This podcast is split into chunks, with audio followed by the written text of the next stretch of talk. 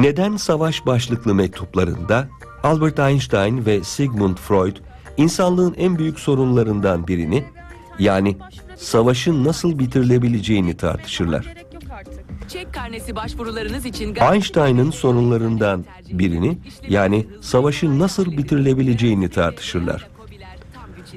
Einstein'ın sorusuna uzunca bir kompozisyonla yanıt veren Freud, kendi geliştirdiği psikoanaliz kuramından hareketle şiddet ve agresyonun tüm insanlardaki yok etme dürtüsünün bir dışa vurumu olduğunu, bu dürtünün apacık biyolojik temelleri bulunduğunu, söz gelimi insanın doğada ve toplumsal yaşamda hayatta kalmasında faydalı bir rol üstlendiğini söyler.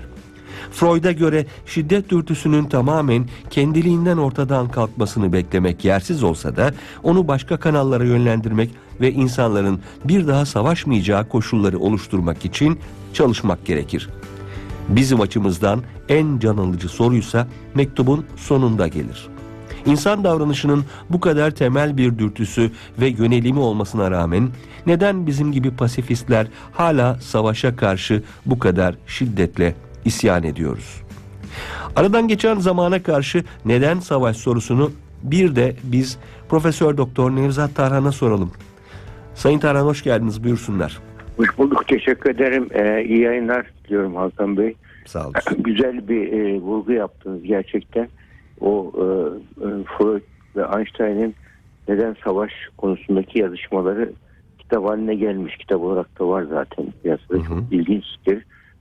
E, savaş 1930 yıllarda e, bu konuşma oluyor. Birinci Dünya Savaşı'ndan sonra. E, bu e, savaşla ilgili e, bu e, konuşmalara, bu tartışmalara rağmen yani sar- savaş anlamlandırma çabaları var. Neden insan Hı hı. onu savaşıyor tarzındaki. E, insanda e, nasıl bir e, böyle e, dürtüsel bir eğilim var savaşmaya. Niye diğer canlılar arasında insan kadar öldürücü değil. E, yani hiç- hiçbir canlı insan kadar böyle e, kitlesel ölümlere sebep olmuyor. Yani savaş yani canlılar arasında kedi köpek arasında bir savaş mı var? Hani mücadele var ama bir savaş yok. Ama insanoğlu kendi ırkını, kendi e, cinsini öldürme e, kapasitesine sahip bir varlık. Yani bu gerçekten büyük bir soru. Yani bu soruya cevap bulamadılar Einstein'da, Freud'da. Ama orada Freud'un verdiği cevaplar insan içerisinde işte e, böyle Eros ve Thanatos diye iki tane ana duygudan bahsediyor. Hı hı. Yani birisi işte dünyada yaşamayla ilgili, dünyaya yani, e, ya- yaşam kalımla ilgili temel dürtü olarak söylüyor. Diğeri de yıkıcı olma dürtüsü diyor. Bu iki dürtü in- insanda yani Aristo da bahsediyor bunu düşün daha şeyde. Ee, özür diliyorum. Şey değil mi? Eros e, aşkı dolayısıyla üremeyi temsil eder. Yani canlılığı ve Thanatos ölüm galiba değil mi? Doğru ölümü, anladım. evet ölümü temsil ediyor. Thanatos da ölümü temsil ediyor. Bu yani bu tem, bu ikisi insan arasında bu ikisi arasında gelip gidiyor. Yani buna da hatta e, e, Aristo'nun yani Sokrates'in ve Eflatun'un e, Platon'un o notlarından alıp Aristo'nun kitap haline getirdiğinde insanda temel üç tane duygudan bahsediyor. Birincisi işte gadap duygusu mesela öfke duygusu diyor. Hı hı. Diğeri şehvet duygusu, diğeri akıl duygusu, kuvve olarak geçiyor. Güç olarak, kuvve olarak. Yani e, mesela gadap öfke duygusunun aşı- aşırı bir noktaya gitmesi burada saldırganlığa, savaşa yöneltiyor. Hiç onun e, pasifize olması da insanı e, e, pasifist yapıyor. Hiçbir şey yapamayan bir insan oluyor. Ortasını bulabilmek önemli diyor. Yani bu zamanda geçerli ve şehvet duygusunu da aşırı şehvet saldırgan, o da salgınlaşıyor diyor. İşte kural, ahlak, namus dinlemeden salgınlaşma. Hiç olmaması da yani insan o, o konudaki tamamen şeyi diye götürüyor insanı böyle. Yani e, iffet konusunda duyarsızlığa götürüyor. Ve diğer konuda akıl duygusu da aynı şey. Kuvve olarak o da var diyor Aristo. Akıl, akılda ifrat olursa başkalarına oyun yapıp başkalarını ele geçirmek, hakim olmak duygusu ve onun e, tefrit derecesi yani en düşük derecesinde olması durumunda da akıl akıl kuvvetinin gücünün kişi hakkını bir arayamayan başkasına kullanılan bir kişi oluyor. Bu üçünde de ortalama olmayı tavsiye ediyor. Yani bu aynı kural gerçekten bu zamanda geçerli. Yani Sokrates'in, Eflatun'un Aristoteles'in uyguladığı o konu burada da geçiyor. Yalnız burada tabii şu anda e, Einstein ve Aristo'nun dışında şu anda nörobilim yeni bilgiler kattı. Yani nöro- nörobilime göre insan beyninde bu ger- gerçekten saldırganlık dürtüleri var, eğilimleri. İnsanda suça yatkınlık yok ama saldırganlık eğilimi var insanda. Saldırganlık eğilimi kişi mesela küçük yaşta bunu o saldırganlık dürtüsü spora yöneltisi orada kabullenebilir bir alanda ifade etmiş oluyor. Ama bunu e, e, kuralsız bir şekilde yaparsa işte ya savaş ve çocuk e, dinlemeden yani acımasız, merhametsiz, insafsız biri, biri ortaya çıkıyor. Yani insan çıkıyor. E, bu e, saldırganlık duygusunun dışında insanda yani diğer canlılarda olmayan bir özellik var. İnsanda e, bu e, mesela Hitler burada çok canlı örnek oldu. Bu tartışmadan sonra buna rağmen bir Hitler ortaya çıktı. Almanya gibi böyle felsefe öğretmiş. Çok Nobel ödülü, çok Nobel ödülü kazandırmış. Yani e, şeylerin Kant'ın çıktığı, Hegel'in çıktığı, bütün böyle yani e, aydınlanma çağının felsefesinin çıktığı yerden bir Hitler nasıl çıkıyor diye açıklanamıyor. İşte bu, bu, buradan Hitler'in ortaya çıkınca Hitler'in hayatını incelediğimiz zaman çocukluk döneminde e, çok babası şey bir çocuk, şey babası liberal birisi çok. Hı hı. Ya ama annesi çok Hitler'i çok seviyor. Hitler'i sen dünyada eşin benzerin yok diye büyütüyor. Yani onu evin küçük hükümdar olarak büyütmüş ve yeryüzü yani onu bir nevi e, egosunu büyük şişirerek büyütmüş. En üstün sensin, en büyük sensin diye büyütmüş. Ama çok iyi bir disiplinle büyütülmüş. Çalışkan, dürüst, ilkeleri ol- olan bir şey birisi böyle. Yani gece gündüz çalışıyor. Böyle birisi fakat öyle bir şey yapıyor ki yani değer, ahlaki normları bozuk, bozuk. Etik, vicdani zekası düşük. Yani sosyal zekası iyi, man, duygusal zekası iyi, mantıksal zekası süper. Fakat vicdani zekası düşük olduğu için kendi ırkı ari ırk, üstün ırk diyor. Darwin'in den alıyor, Darwin'in biyolojide geliştirdiği kuralı alıyor, sosyal Darwinizm yapıyor. Mesela politik Darwinizm yapıyor hatta. O Darwinizm içerisinde onu e, e, bir şekilde biz üstün ırkız. Üstün ırk olduğumuz için dünyaya hakim olmak bizim hakkımız diyor ve bir e, şey yaparak e, e, Alman parlamentosunu Berlin'deki parlamentoya bir sahte bir şey düzenletiyor, saldırı düzenletiyor. Bunu Polonyalılar yaptı diye Polonyalılar hücum ediyor. E, bunun üzerine Polonya hakim oluyor. Kendi muhalefeti yok ediyor tamamen kendi içinde. Ve Nazizm doktrinini oluşturuyor. Doktrinde de kendi ırkını üstün ırk olarak yapıyor. Yahudilere e, bu parazit ırk olarak söylüyor. Yani insan tarlasında parazit varsa ne yapar? Onu öldürür. Yok eder. Yani Türklere kültür taşıyıcılar Japonlara diyor. Fransızlara zencileşmekte olan ırk diyor. Zenci, zencilere zaten insan değil diyor. Ve bu şekilde kendi dünya sömürme hakkı elde ediyor. Acımasızca yayılıyor, yayılıyor. Başarılı olsaydı kahraman olacaktı. Başarısız olduğu için kötü oldu. Şimdi bu bu yıkıcı dürtü insanda, yıkıcı dürtü narsizmden geliyor. Onu diyecektim. Yani e, Hitler'in psikolojik profili narsisizm mi diyecektim. Evet, narsisizm aynen öyle yani tamamen etnik narsizmi oluşturuyor. Irk narsizmi. Kendi ırkını üstün ırk görüyor. Kişi, kişilik bazında bireysel narsizm. Yani en acımasız, merhametsiz insan narsist insandır. Yani şu anda bakın şu anda bu savaş içerisinde ve İsrail'in ve Amerika'nın yaptığı tamamen güç güç zehirlenmesi, gücün verdiği narsizm var. Ama tarihte narsist kişiler işte Hitler örneği gibi bir geçici başarılı oluyor, birçok kan akıtıyor, çocuklar ölüyor, e, insanlar mağdur ve mazlum oluyor. Fakat onun sonucunda onlar tarihin çöp sepetine gidiyorlar ama birçok e, e, e, böyle posttraumatik stres bozukluğu bırakıyorlar, depresyon bırakıyorlar. Yani zaten son 10 yılda hani büyük savaşlar yok ama büyük mesela birinci dünya, iki, ikinci dünya savaşında sivil ölümü %10 civarında. Ama bu son 10 yıldaki savaşlarda 10-20 yıldaki savaşlara baktığımız zaman sivil ölüm %80-90'ı buluyor. Çünkü bu savaşlar daha şey bir savaşlar. Nizami olmayan gayri nizami savaşlar Hı hı. olduğu için siviller daha çok mağdur oluyor. Şu Cephe andaki- savaşı değil. Evet. Evet. Cephe savaşı Normal değil. cephe savaşı değil evet. Yani cephe burada sokaklar oluyor. Cephe neresi oluyor? Pazarlar oluyor. İşte hastanenin bahçesi oluyor. Parktaki, parktaki yatanlar oluyor. Pazarlardaki ça- çalışanlar oluyor. Cephe bunlar oluyor. Böyle olunca da sivil ölüm çok oluyor. İşte Gazze'de görüyoruz yani. Sivil ölümle, asker ölümünden daha çok sivil ölüm var ve yarısı ölenlerin yarısı çocuk ve anneler. Yani çok ciddi bir acımasız bir şey var, savaş var. Yani bu ya insanlık adına hani Birleşmiş Milletler'in meşhur bir şeyi vardır. Bak 1989'da çocuk hakları beyannamesi yayınlandı. Evet Birleşmiş bil- Milletler. bildirge var.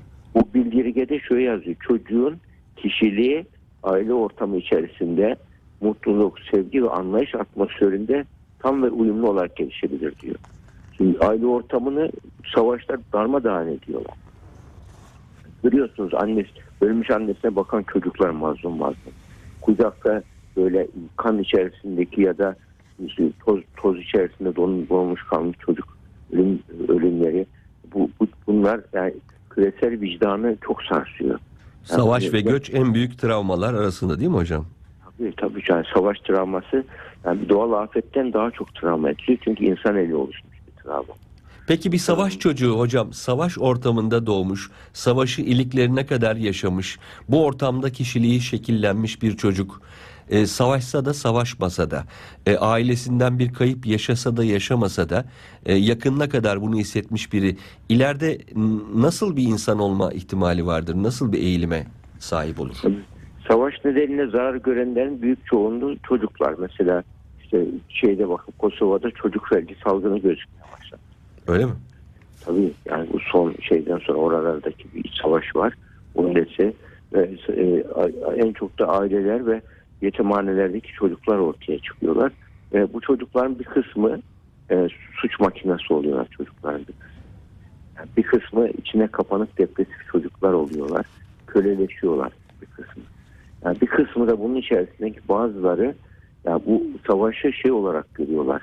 Yani onun için mesela o e, anlam arayışı kitabını yazan ünlü psikiyatristin şeyi gibi e, e, bu Irvin Yalom mu? kaplarda.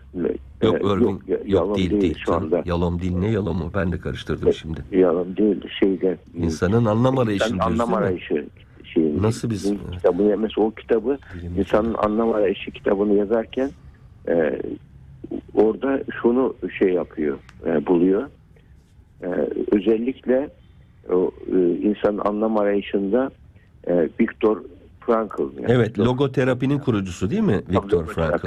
Mesela o savaşta bütün ailesi büyüklerini kaybetmiş. Tek başına kalmış bir çocuk olarak. Pardon çocuk olarak değil ergenlik döneminde bir psikiyatrist olarak kamptan kampa yollanıyor. Orada insan neden bu, bu savaşı yapıyor? Neden bu acımasız insanoğlu böyle diyerek bunun arkasında savaş travmasından insanın anlam arayışıyla ilgili bir çıkış yaparak e, bu e, çok satan kitaplar arasında e, gerçekten de e, bir e, kendi içerisinde e, Çığır an- açan. bir kitap ortaya çıkarıyor. Logoterapi diye psikoterapi türlerinden birisini ortaya çıkarıyor. Hemen ne getirdiniz aklıma biliyor musunuz hocam? Ee, Viktor Frankl'a gidince mutlaka izlemişsinizdir. Herhalde savaşla ilgili yapılmış e, savaştan olumlu bir şey çıkartabilen herhalde nadir film vardır. Bunlardan bir tanesi Benini'nin e, Vita e Bella, Hayat Güzeldir filmi. E, Nazi kampında çocuğuna hayatı normalmiş gibi bir oyunmuş gibi anlatan bir babanın hikayesini anlatır. Hepimizin gözyaşları ve kahkahalarla izlediği. İzlemişsinizdir değil mi o filmi? Tabii o filmi e, pek izlemedim ben hatırlayamadım ama izlemediniz. biliyorum tabii kısmen. Çok Peki. film konusunda özürlüyüm ben. Estağf, estağfurullah. Yani orada sanki bana e, öyleymiş gibi geldi. Çünkü çocuk kampta büyüyor. Sadece babası var başında ve babası diyor ki biz burada mesela tıp oynayacağız diyor. Sessizlik e, oyunu oynayacağız diyor. Çocuğun saklanması gerekiyor çünkü. Eğer diyor kazanırsan büyük ödül diyor. e, en sonunda bir tank olacak diyor. Sonra Amerikan e, tankları girdiğinde e, film orada bitiyor. Çocuk e, büyük ödülü kazandığını zannediyor. Hayatta Evet. kalarak aslında büyük ödülü kazanmış oluyor. Evet. Evet yani o savaşı o şekilde bitirmiş oluyor. Evet. Tabii bu gü- güzel bir oradan şimdi burada da zaten Viktor Frankl Auschwitz kamp, kampında biliyorsun Almanya Evet. Savaşı'ndaki kampta orada kalıyor ve oradaki gözlemliyor. Hatta onun ilginç bir gözlemi vardır. yani bilinir ama ben bilmeyenler için hatırlatayım. Lütfen. Mesela orada onun arkadaşlarından birisi rüya görüyor. 31 Mart'ta kurtulacağına inanıyor. Hı hı. 31 Mart'ta bekliyor. 31 Mart oluyor. Kurtulmuyor. Birkaç gün sonra aniden ölüyor arkadaş. Hı. Ya onun üzerine anlam arayışını daha da yapıyor. Yani insan yani o bir anlam yüklemiş 31 Mart tarihine o zaman. Kamptaki arkadaşı. Tarih olarak Mayıs olabilir yani söyleyebilirim. Ya o tarihte olmadığı zaman beyin küsüyor ve hayata bağını kesiyor ve ani ölüm oluyor. Bak insan beyninin yani nörobilimin getirdiği değişikliklerden birisi. Onun için insan yaptığı işe anlam kattığı zaman o hayattaki zorluklara dayanma gücü kazanıyor insan. Onun için bu savaşlara bir anlam katan bir insan savaş acısına dayanabiliyor. Savaşlara anlam katmazsa savaş ideolojisi deniyor bunu savaşlarda. Hı hı. Mesela bu savaşın hiçbir ideolojisi yok şeyde. Yani bir Amerikan askeri oraya gitmek, savaşmak için bir gerekçesi yok, ideolojisi yok. Ama Filistinli'nin ideolojisi var. Tabii. Orada bir savunma de ideolojisi yok. şeyi var. çünkü şu anda orada gayet konforlu yaşarlarken neden büyüyeceğim diye oradaki insanlara oraya 53 senedir hapsolmuş insanlara E şimdi acı çektiriyorsun. Hocam orada ideolojisi yok derken aslında oraya baka- bakacak olursak hani tarihsel ve dini izlerine İsrail'in işte arzu mevut vaat edilmiş topraklar e, hikayesine Orada kadar uzanırız. ideoloji o. Bence Evet. toplum tarafından paylaşılmıyor İsrail toplum tarafından. Tabii o e, Siyonizmin bir de İsrail toplumu dünyayı takip ediyor. Hı hı. Toplumu onaylamıyor onu. Yani toplumu çünkü savaş topyekun olursa kazanılır. Halkla doğru. yönelik. İstiklal Savaşı neden kazanıldı? Topyekun savaş olduğu kazanıldı. Savaş ideolojisi vardı ve biz orada yani İstiklal Savaşı'nın ilk taşını kim attı? E, Denizli'deki Ahmet Hulusi Efendi attı. Ahmet Hulusi Efendi Cuma'dan sonra diyor ki şu anda İzmir işgal edildi diyor. 15 Mayıs'ta işgal edildi diyor. Bizim artık yani bundan sonra e, nama, Cuma namazı ya da belki namazdan önce tam hatırlamıyorum. Bize farz değil artık diyor ve ileriden bir taş oluyor İzmir'e doğru atıyor. İlk taşı atıyor. Bu, bu psikolojik savaşta yani bu gayri nizami harpte sivil direniş olarak geçiyor. Yani Anadolu'daki Mehmet Akifler, Bediüzzamanlar e, e, Anadolu'da o si- sivil direnişi yapmasaydı topyekun savaş olup da bu e, bu savaş kazanılması çok zor olurdu. Kurtuluş Savaşı'na. Topyekun savaş kazanıldı. Şu an İsrail'in topyekun savaş yapacak şeyi yok şu anda. Asker yapıcı yok. Halktan askerler savaşmak istemiyor orada. İtiraz edenler var. Netanyahu'ya karşı çıkıyorlar. Ben onun Hı hı. için burada sağlam duranlar kazanacak inşallah. diyorum. Ya söylenecek çok şey var e, o savaş Tabii. üzerine ama e, birincisi hani konumuz psikoloji, e, ikincisi uzmanlık alanımız değil bir de üçüncü olarak tabii ki e, hani ben devletin bir bir anlamda yetkili ağzı gibi duruyorum. Böyle bir şey yorum yaptığım zaman e, resmi bir yorum gibi kalıyor. O yüzden bu konuda e, yorum yapmak istemiyorum ama söylenecek şey çok hocam. Gerçekten Tabii çok. söyleyecek şey çok zaten. Yani şu andaki devletimiz de duruş olarak çok bizim toplumumuzu çok iyi temsil ediyor. Çok dengeli Yani bir şu anda- duruşumuz var evet. Şu andaki söylemler toplumda iyi karşılık bulan söylemler. Ben bakıyorum hangi dünya görüşünden olursa olsun bu böyle bir şu andaki Türkiye'nin bu konudaki duruşu ama barış barışa e, amaçlanmalı, diplomatik çözüm an- an- amaçlanmalı tabii. Bu duruş nedeniyle bizim bu böyle bir durumda zalimliğe, haksızlığa hayır diyebilmemiz, bizim kötülüğe hayır diyebilmemiz yani bir insanın da görevdir aynı zamanda. Yani onun sınırları dışına çıkmadan konuşmamız da gerekiyor tabii. Ee, bu nedenle savaş psikolojisinde en çok kurban olanlar, savaş kurbanları çocuklar, zayıflar, dezavantajlı insanlar, anneler ve e, burada silah, savaş elinde silah olmayan kişiler oluyorlar. Bunu bilmek e, gerekiyor. Yani savaşlarda e, çocukların e, anlamlandırmaları yüzeysel olduğu için çocuklar daha çok anlayamıyorlar savaşı. Yani çocuk neden savaşıyor, neden insanlar öldürüyor diye anlam katamıyor. Onun için büyüklere bakıyorlar. Büyükler eğer burada soğukkanlıysa, anlam e, doğru bir e, büyük du- duruş gösteriyorsa çocuklar savaş stresine karşı yani travma sonrası stres bozukluğu belirtileri daha az yaşıyorlar. Eğer büyükler bu konuda daha kontrolsüzse onu Hı hı. yaşıyorlar. Bir de en çok rastlanan savaştan sonra sosyal çöküntü ve ahlaki çöküntü oluyor toplumlarda Hı hı. sosyal normlar bozuluyor. kurallar bozuluyor. Savaş Toplum- zenginleri vardır mesela meşhurdur. Ondan fırsattan yararlanan değil mi hocam? Tabii yani böyle durumda fırsatçılar böyle bir şeyde biliyoruz 99 depreminde vesaire. Hemen oraya fırsatçılar çöküyorlar yani her zaman vardır yani virüs nasıl vücut bağışıklık sistemi Mutlaka. savaşlayınca virüsler girer devreye. Onlar da mikrop yani sosyal mikroplar giriyor devreye tabii. Peki hocam bu durumda yani kriz dönemlerinde terör, yoğun terör döneminde, savaş döneminde e, insanlar yaşadıkları coğrafyada e, psikolojik olarak regrese olmaları yani e, sizin terim, terimiz bu teriminiz bu sizin branşın terimi yani psikolojik olarak geçmişe çocukluğa dönmeleri ve e, otoriter e, hatta e, diktatöryel eğilimleri olan liderleri istemeleri e, doğru mudur? Böyle bir vaka mıdır? Ya işte tabii yani böyle, böyle şey durumlarında insanlar kendini zayıf güçsüz hissederler. Zayıf güçsüz insan ne olur böyle durumlarda sığınacak bir liman arar. Güçlü profiller onlara bir çadır görevi görür. Yani nasıl bir fırtınada mağaraya yansın, şey yaparsın, yağmurda çadıra girersin. Yani güçlü kimlikler, kişilikler, güçlü profiller böyle durumlarda insanlarda güven alanı oluştururlar. Onun e, gölgesinde olmak onları güvende hisse- hissettirir. Bu nedenle böyle güç, güç yönetimde güç odaklı yönetim isteyen kişiler devamlı gerilim isterler. Gerilim isterler ki insanlar bana sığınsın etrafında toplansın diye.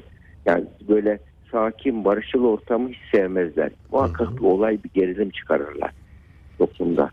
Yani bu da şeylerdir yani onun için otoriter yönetimler, totaliter yönetimler böyle barış, huzur ortamlarından rahatsız olurlar. Muhakkak bir şey yani gerilim olacak ki insanlar ona muhtaç olsunlar.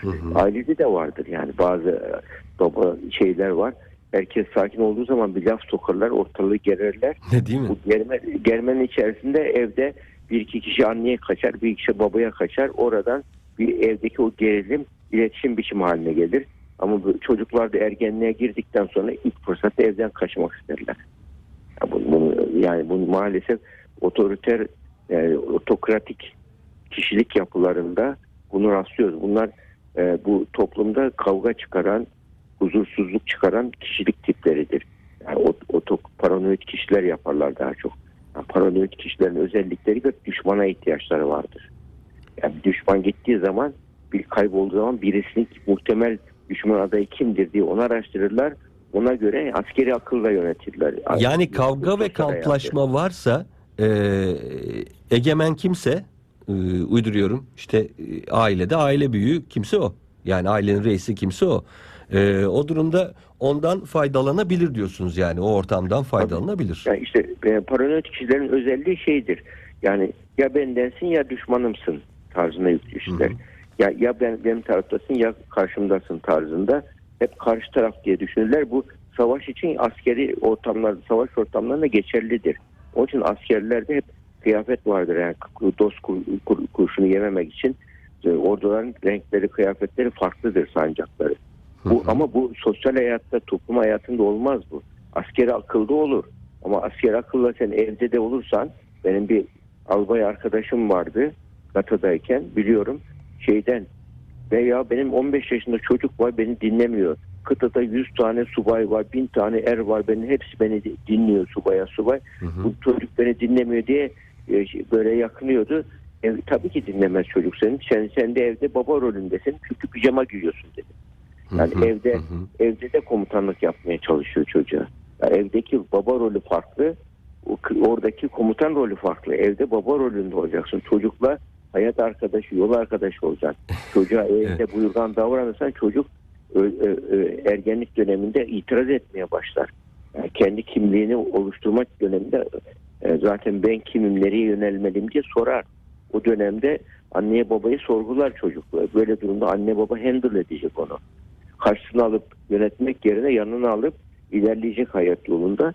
bunu yapamıyor. Şimdi Bak, burada komutanlık olmaz. Şimdi burada bir kişilik bölünmesi mi yaşıyor komutan? Yani e, evde hakikaten bu durum yok ama e, yukarıda bambaşka bir gündüz bambaşka bir hayatın içinde. Biz görüyorduk o yüzden hafta sonları e, hep gelirlerdi.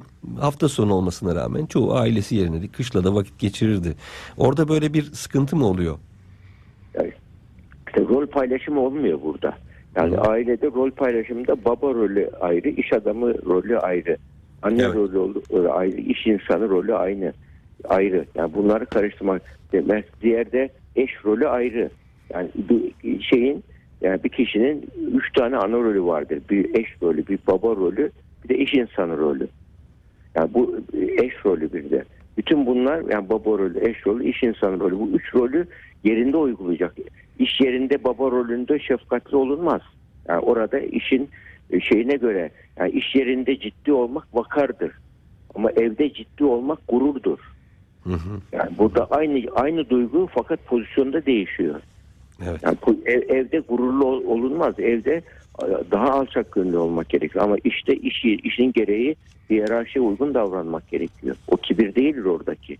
Hı hı. Bu nedenle bu, bu yere ve e, zamana göre, pozisyona göre davranabilmek bir duygusal beceridir. Yani insan bunu Duygusal bunu esnekliğin yapamayan- de bir e, parçasıdır herhalde. Tabii yani du, du- emosyon regülasyon deniyor. Duyguları regüle edebilmek Evet. gerekiyor. Yerine göre ayarlamak. Bu bir beceridir. Öğreniliyor bu ki. Çocuk doğuştan gelmiyor. Bu sonradan öğreniyoruz. Yani hayatta zaten yönetim danışmanlığında da bu öğretiliyor şeylerde. Yani iş, e, iş, iş insanlarına yönetim Evet. danışmanlığı ve eğitimleri verilirken bu şeylere göre yani liderlik e, e- eğitiminde bunlar vardır. Yani lider, yetişirken bir kimse kendi kendinin lideri olamayan başkasının lideri olamaz. Kesinlikle. Vallahi hocam savaş psikolojisinden girdik. Nerelere nerelere gittik. E, y- Evet. yönetişim Sizin becerilerine gittik. Böyle akıcı oluyor gerçekten. Vallahi eksik olmayın hocam. Her zaman olduğu gibi e, çok e, keyifli, doyurucu bir sohbet. E, bir başka cuma görüşmek üzere diyerek o İnşallah, zaman uğurlayalım inşallah. sizi. Çok İyi teşekkür programlar ediyoruz. diliyorum. Sağ Hoşçakalın. olun.